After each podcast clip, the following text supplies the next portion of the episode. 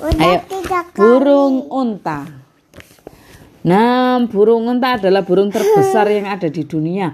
Burung ini memiliki leher yang panjang dan kepala yang kecil. Burung unta memiliki penglihatan yang tajam, bulu matanya panjang dan tebal, melindungi hewan ini dari pasir yang tertiup angin.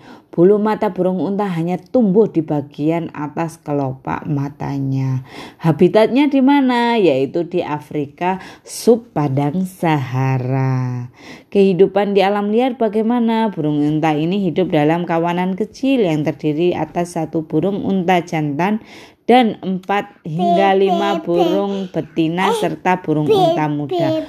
Burung unta memiliki hierarki sosial yang ketat. Burung dengan kekuasaan tertinggi memegang leher dan ekor, sedangkan burung dengan kekuasaan rendah harus terus menundukkan lehernya.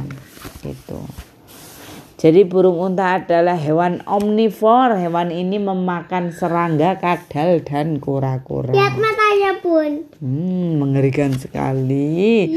Lalu ada pun Kalau dia kalau dia melihat kita kita dimak. Uh-uh. Siapakah uh, pengu- penguin kaisar itu? Jadi siapakah yang paling berhati-hati?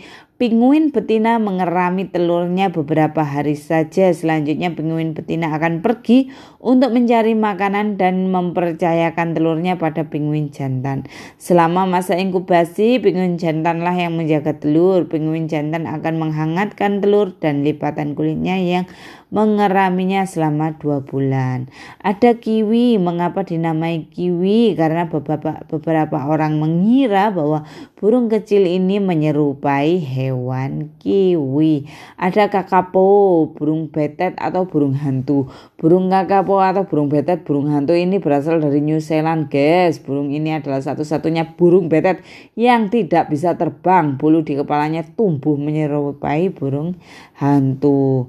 Burung kasuari bisa menjadi pemain sepak bola yang hebat. Serangannya mampu mengelilingkan bola dari pinggir lapangan ke gawang. Kasuari juga bisa berlari dengan kecepatan hingga 50 km per jam dan bisa mengenali sasarannya. Sungguh hewan yang sportif. Ini adalah cerita dari